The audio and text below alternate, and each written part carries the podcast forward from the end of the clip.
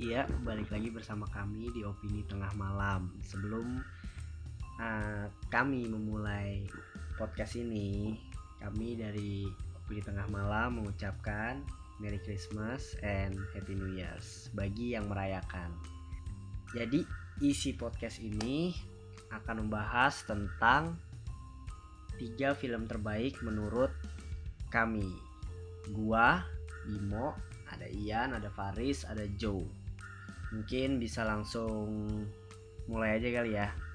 Mungkin dari teman-teman gue nih siapa yang mau mulai duluan nyebutin tiga film terbaik 2018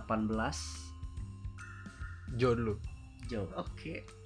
tunggu nih sebelumnya mungkin uh, apa kita bakal ada spoilernya ya di diskusi kali ini. Ya. Oke okay.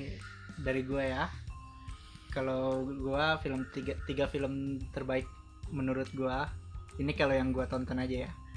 Itu ada Mission Impossible Bohemian Rhapsody sama Deadpool 2 gua kalau luris kalau gua hmm, ini gua rutin ya dari yang terakhir. Dari yang ketiga. Yang ketiga itu First Man terus yang nomor dua Spider-Man Into the Spider-Verse sama yang pertama Mission Impossible sama kayak hijau lu Fred? Kalau gue ada komen terus ada searching sama yang terakhir ada Bohemian Rhapsody. Lu kalau gue itu dari yang ketiga itu ada Ready Player One A Quiet Place sama Bohemian. Gue mau nanya nih sekarang kenapa alasan kenapa lo pada milih tiga film itu. Mungkin dari Faris dulu deh. Oke deh Faris dulu deh. Apa dulu yang dibahas nih? Mission Impossible aja. Iya. boleh dah Mission Impossible. Kalau gua ah, menurut gua sih itu salah satu film action yang yang bagus banget dalam kurun waktu. Kira-kira berapa tahun ke belakang itu film action nomor satu lah.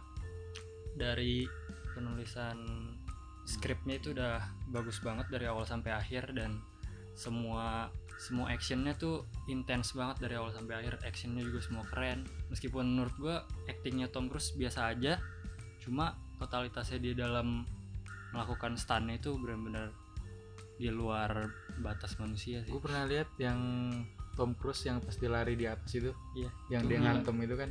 Pas iya. nonton sampai tapi dia langsung lari lagi bisa ngerasain sakitnya kayaknya pas iya. nonton lihat patah ya kakinya iya. uh, ankle-nya sih kena sun cuma iya. dalam keadaan pas dia ngelakuin stun itu sebenarnya kan ankle-nya kena cuma dia nggak langsung stop stop buat ngangkat gitu dia tetap bangun bahkan lari lagi dan itu juga apa penggunaan uh, practical effect yang dibanding sama dia jadi lebih ngandelin practical effect daripada CG itu bagus hmm. banget sih jadi lebih kerasa realnya sama si director itu pinter banget buat bikin suatu adegan yang sangat intens jadi rata-rata action itu semua di dikasih batas uh, jadi si hero nya itu punya jadi dia nggak punya waktu banyak buat milih suatu pilihan gitu loh hmm. jadi oh. dia selalu oh. punya punya ticking bomb kayak misalnya kayak di scene cepet ya gitu. di scene terakhir kan dia harus apa gagalin bomnya kan tapi dalam waktu yang sama dia, dia harus, ngambil keputusan. ngalahin si iya, Henry Cavill siapa sih namanya? Si Henry Cavill juga. Dan berantemnya juga sengit banget kan sampai kita nontonnya sampai intens banget. Itu sih yang hmm. kerennya dari Mission Impossible. Berarti ini kalau dari franchise Mission Impossible kalau dari franchise Mission Impossible menurut lu paling bagus tuh yang mana? Inilah keenam. Keenam. Di setelah eh keenam keempat itu yang paling bagus sih keempat keempat apa Ghost Protocol? Iya. Ya itu bagus. Bagus juga. Dan director sama sih dia balik. Dan itu keren banget. Oke. Kalau kita nih Fat kan kita sama-sama bohemian. Nah, sama gue juga hmm. sih. Lu bohemian juga ya? Iya, oh lu bohemian juga. Kenapa? Kenapa harus nonton bohemian? Dari siapa nih? Gue dulu kali ya. Oke. okay. ya, ya gue suka bohemian tuh. Jadi lu tuh nggak cuma nonton film menurut gue jadi kayak lu tuh nonton konser yang gimana ya, yang di dibungkus dibungkus dalam sebuah film. Dan lu tahu sendiri lagunya Queen itu kan terkenal terkenal kan? Hmm. yang walaupun kayak gue nih generasi yang udah bisa disebut bukan eranya Queen pas gue juga tahu lagu-lagu kerennya doang pas gue nonton tuh kayak ah, ternyata lagu ini enak juga ya gitu. Dan kebagusan Bohemian menurut gue nggak terlepas dari si Rami Maleknya sendiri dalam meranin Freddie, Freddie. Mercury. Kalau dari gue sih gitu. Kalau dari lu berdua? Kalau dari gua sih eh, apa ya banyak scene-scene yang bikin pas scene itu muncul tuh kayak ada yang bikin merinding merinding gitu. Kayak oh. kayak yang di ya paling cuman sih yang di live aid sih. Itu benar-benar sampai semua detail-detail kayak di live aid asli waktu yang Queen aslinya di sana bener-bener detailnya tuh disamain gitu dari gerakannya dekorasinya sampai orang yang Orang- di atas. iya sampai orang-orang krunya pun disamain gitu dari pakaiannya. Detailnya sih bagus terus sama eh, jalan ceritanya lumayan sih. Dap- ada nilai-nilai bisa diambil juga. Kalau dari lu Fet Kok gue sih yang gak beda jauh lah. Paling si Rami Maleknya tuh totalitas banget meraninnya. Dari gue sih perhatiinnya pas dia di live ad ya. Emang pas dia dari gayanya Ngecupnya tuh ngecup Terus ngecup manja yang Iya. main piano ya? Iya terus pas yang dia ngejulurin lidahnya tuh. Hmm. EO nya juga mirip kok menurut gue Eh, Pas dia lagi. EO EO gitu. Itu katanya bukan eh itu suaranya dia ya suaranya Mark Martel ya. Mark Oh, Martel iya. yang mirip ini salah satu faktanya jadi kalau lo nonton Bohemian beberapa apa suaranya ya Selag, yang nyanyi itu si suaranya yang si gabungan suara si Dubbingnya itu si. Mark Martel. Iya. iya Mark Martel sama Rami Maleknya sendiri juga kan ya. nah jadi itu katanya sedikit intermezzo aja ah, kenapa gue nggak tahu sih kan ah, tadinya ada calonnya siapa sih sebelum Rami Malek dulu dulu banget sih Eh, jadi si Sacha Baron Cohen tuh sebenarnya dia yang punya ide buat bikin biopiknya si Freddie Mercury. Tadinya dia yang mau peranin jadi Freddie Mercury tapi akhirnya si Sacha Baron Cohennya sempat berselisih sama salah satu anggota Queen lah katanya. Dan akhirnya Hmm. si Sacha Baron Cohen mundurin diri jadi produser dan aktornya. Nah akhirnya eh, dari eh, produser barunya dia milih si Rami Malek buat jadi Freddie Mercury tapi gue puas banget sih sama Rami Maleknya waktu jadi Freddie Mercury. Karena tuh yang gue tahu dia katanya pas ditawarin jadi meranin Freddie Mercury dia bilang kalau gue itu nggak bisa nyanyi gue nggak bisa main alat musik. Tapi si yang sutradaranya itu tetap manggil dia gitu loh. Dan dia langsung langsung belajar nyanyi sama belajar main piano itu sendiri ya intinya pokoknya buat nonton Bohemian mah lu nggak perlu buat suka Queen banget lah lu udah pasti bisa nikmatin fix gitu. itu film walaupun lu nggak suka Queen Oke, terus film selanjutnya yang enak dibahas apa tadi film apa? Searching kali ya. searching Nah, kenapa tuh harus nonton searching nih? gue suka aja sih karena filmnya mirip mirip mirip Unfriended cuma dikemas lebih baik terus juga filmnya tuh kayak ngegiring opini kita buat tebak ini pelakunya taunya tuh bukan sampai Oh, beberapa kali kalau nggak salah terus Gua juga plot twist akhirnya tuh keren lah Ya, gue juga suka sih sebenarnya. Cuma yang yang yang yang kur- bukan kurang sih sebenarnya. Cuma jatuhnya twist baru ya. Maksudnya terakhirnya itu iya nggak sih? gimana twist baru maksudnya plot twistnya itu kayak twist baru gitu kalau menurut gua. Soalnya kan dari dari awalnya kayak kurang di build gitu loh ceritanya kayak jadi orang ngegiring opininya nggak mungkin ke Hmm, si A gitu loh. Karena si A nya baru ada di mau akhir-akhir gitu tengah ke kan akhir film iya gitu loh. Ya, cuma menurut gua bagus tetap searching. Un apa? Unrated ya? Iya. salah satu film yang underrated. Underrated. Tahun ini. Terus Jo ada Jo. apa tadi Deadpool. Ya, Deadpool. Deadpool Deadpool makanya semua suka dah dari lucunya. Ya kalau gua Deadpool suka sama jalan ceritanya sih. Di awal kan Pacarnya. ini nggak apa-apa ya spoiler ya. Iya, spoiler dikit Kalau-. Ya udah pasti semua iya udah pasti Deadpool nonton gitu. sih. Gue suka di awal cerita kan si Deadpool ngomong kalau ini tuh eh, film film tentang keluarga gitu. Tapi kan kita tahu ya karakter Deadpool kan yang lucu yang suka apa bercanda-bercanda gitu cuma eh, jalan ceritanya sendiri bisa gitu ngegiring sampai terakhirnya ya emang itu jatuhnya jadi cerita tentang keluarga gitu walaupun eh, ada awalnya berselisih sama si siapa tuh yang ini namanya musuhnya dia yang dari masa depan Cable. nah Cable. iya si Cable itu cebol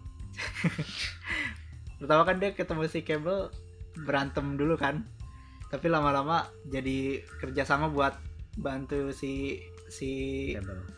Russellnya Oh, si anak Russell. kecil itu sampai akhirnya jadi semuanya jadi temenan gitu jadi ya emang jatuhnya jadi terakhirnya masuk sih ke kalau dibilang untuk cerita keluarga tapi tapi kayaknya nggak nggak buat keluarga sih. Jokesnya itu Jokesnya itu dark terlalu dark. gua. nah itu sih yang bikin gua tertarik sama dia tuh. Jokes jokesnya tuh. Drama mungkin ada drama Iya ada drama kayak di awal yang dia jadi nggak nggak cuma action, superhero action Hmm. film gitu doang. Iya, ada drama ada dramanya. Dari yang awal sedihnya dapat yang pas pertama si pacarnya meninggal mati ketembak sedih. Oh, iya, iya, iya, sampai iya. lama-lama lucu lagi. Sampai bagus deh pokoknya. Tapi menurut gue juga Deadpool salah satu film yang enjoy dan dinikmati dengan semua orang ya. Bisa gitu Bisa. popcorn movie lah ya. Iya. Terus mungkin gue bakal nyaranin salah satu top 3 gue A Quiet Place. Kenapa A Quiet Place gitu? Dari sekian banyaknya film horor di 2018 ada The Nun, Hereditary terus ada banyak deh gitu loh. Tapi gue milih A Quiet Place tuh karena menurut gue jatuhnya apa sih itu horror thriller ya? Iya gak sih? Iya, thriller. thriller. Ya. cuma menurut gue itu bener-bener fresh banget. Kayak eh, lu tuh nggak boleh ngomong gitu karena gue nggak tahu sih bisa disebutnya alien, monster atau setan gitu bakal ngebunuh lu gitu loh. Menurut gue itu sangat-sangat fresh. Jadi lu pas nonton bioskop juga itu super sunyi lu mau makan popcorn aja tuh harus pelan-pelan gitu loh. Dan di situ sutradaranya berani nih spoiler nggak apa-apa ya. Apa lah. Berani kayak ngebun bukan iya ngebunuh salah satu tokoh yang menurut gua itu tokoh penting gitu loh. Dan di situ pas tokohnya mati itu juga nggak bukan kayak oh ya udah mati tapi matinya tuh kayak ada alasan kenapa dia harus mati gitu loh. Itu gue suka banget. Di endingnya juga itu biar di endingnya tuh menurut gua dibilang happy ending juga enggak. Jadi kayak biar apa ya penontonnya itu punya teorinya dia masing-masing gitu loh. Dan kalau menurut gua gua nggak tahu sih bakal dibuat yang kedua atau enggak tapi kalau menurut gua yang pertama ini eh yang ini aja udah bagus gitu. Dan kalau misalnya buat yang kedua kayaknya bakal lebih seru kalau nyeritain sebelum konflik. Kenapa itu bisa ya terjadi? gitu dibanding dia ngelanjutin cerita ini kalau menurut gua. Gitu. memang film itu pas nonton ikut ke bawah suasana sih. Gue juga pas nonton ada dengar suara dikit kayak langsung gitu. jadi benar-benar ke bawah suasana sunyinya itu loh. Ya emang diem banget diam gitu. banget tuh ya. Itu sih hebatnya dari Quiet Place mainin uh, penggunaan suaranya jadi bikin kita kayak ikut masuk ke dalam film itu. Itu gue suka. Dan lu kalau mau nonton A Quiet Place saran gue sih ya pakai earphone kali ya. Jadi kalau misalnya ada jump scare ya lu ikut kaget gitu kalau seandainya lu nonton nah di kalau TV enggak kan kalau suara enggak- kecil sama iya, aja sama gitu aja. loh. Gitu sih. Terus mungkin siapa yang bahas? Paris ya. Dari sekian banyak film superhero Avengers Aquaman dan lebih memilih Spider Into the Verse why? Animasi ya.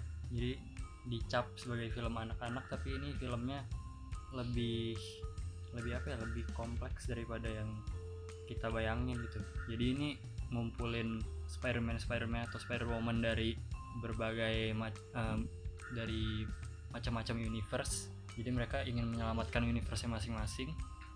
Dan ini menurut gua keren banget sih dari style animasinya. Itu terutama dari visualnya. Visualnya keren banget. Terus action scene-nya juga keren banget. Story sama plotnya juga Spider-Man banget. Dan musiknya juga mantap sama yang paling gue suka adalah eh, film ini emosional banget. Meskipun si Miles Morales sama Peter Parker baru ketemu itu udah bisa bikin mata gue berkaca-kaca. Yang padahal dia mereka juga bukan siapa-siapa bukan bukan keluarga. Mereka juga baru kenal beberapa hari yang lalu. Ada salah satu scene mereka ngobrol itu udah ngena banget sih menurut gua. Ya, itu gua aku juga. Gua baru nonton kemarin dan ya bagus gitu emang. Gue belum nonton sih. Gue ya walaupun film animasi ya bener gue suka gitu. Terus lanjut. Lu tadi apa Fet? gue yang terakhir ada Aquaman James Wan film yang baru ya? Kenapa tuh? Iya. nggak kenapa-napa sih cuma gue kagum aja sama sama visual efeknya eh bagus Bawah sih, laut gitu. lautnya. keren aja gitu. Atlantis dibuat sedemikian rupa. Full CGI gitu. bling bling ya mungkin kalau lu mau tahu kenapa bagusnya Aquaman bisa dengerin di episode podcast kita sebelumnya kali ya. Nah mungkin kalau gua Ready Player One gua nggak bakal banyak ngomong sih. Intinya gitu loh Ready Player One emang tentang game gitu dunia game.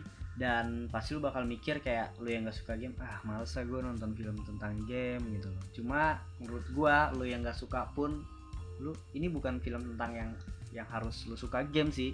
Lu bener-bener ini seru menurut gua. Dari ceritanya terus dari animasi CGI-nya eh visualnya ya. Nah, itu menurut gua bagus banget dan lu bakal bisa nikmatin gitu. Menurut gue sih lu harus nonton salah satu film terbaik 2018 menurut gua. Mungkin terakhir Karis First Man. First Man. Ah, ini salah satu film yang keren banget sih dari segi segala aspek dari suara, eh, acting, terus eh, sinematografi sama musiknya sih, scoring. gue nonton sampai tiga kali dalam format yang berbeda-beda. Buat ngerasain experience yang berbeda-beda. gue diajakin sampai mau dibayarin cuma gue nolak biar Gua dia bisa nonton lagi gitu Iya, gue Yang kan terakhir, yang terakhir gue nonton 4DX dan itu keren banget, berasa bener-bener ikut terbang ke bulan. Eh, apa ya? Ryan Gosling udah pasti nggak diraguin lagi sih buat actingnya. Terus gue suka banget sama sutradaranya, sama oh gue harus pasti kan ini film biopik, jadi gue harus bandingin sama Bohemian nih. Kenapa ini bisa di atas Bohemian menurut gue? Sorry, jadi setuju. fans fans Bohemian. jadi Iya, meskipun uh, beberapa beberapa scene ada yang agak sedikit boring di First Man emang ada tapi menurut gua First Man lebih unggul daripada Bohemian soalnya uh, itu kerasa real banget dari dari pengambilan shot kadang-kadang mereka uh, style shotnya itu bisa mirip sama dokumenter meskipun ya Ryan Gosling nggak mirip sama Neil Armstrong cuma bisa dibikin sedemikian sedemikian rupa jadi kayak itu tuh nyata rekaman asli. Dan menurut gue juga dialog di First Man itu real banget dari eh, jokesnya mereka ke antar sama peran mereka jokesnya kayak ketawanya lepas banget real kayak di dunia nyata. Dan sedangkan di Bohemian Rhapsody itu banyak dialog yang menurut gue ini nggak nggak nggak bakal di, di diucap sama seorang gitu loh di dunia nyata. Eh, jokes jokes ini nggak bakal diucap sama dia di dunia nyata dalam kondisi yang seperti ini gitu sih menurut gue tapi gue se- sejujurnya juga lumayan lah ya First Man. Karena itu ngangkat cerita tentang bukan gimana caranya Neil Armstrongnya ke bulan tapi dari sisi keluarganya dia ditinggal gimana di belakangnya khawatirnya seorang istri. Iya cuma gue nggak tahu sih mungkin gue harus nonton dua kali kali ya. Karena yang pertama jujur gue tidur.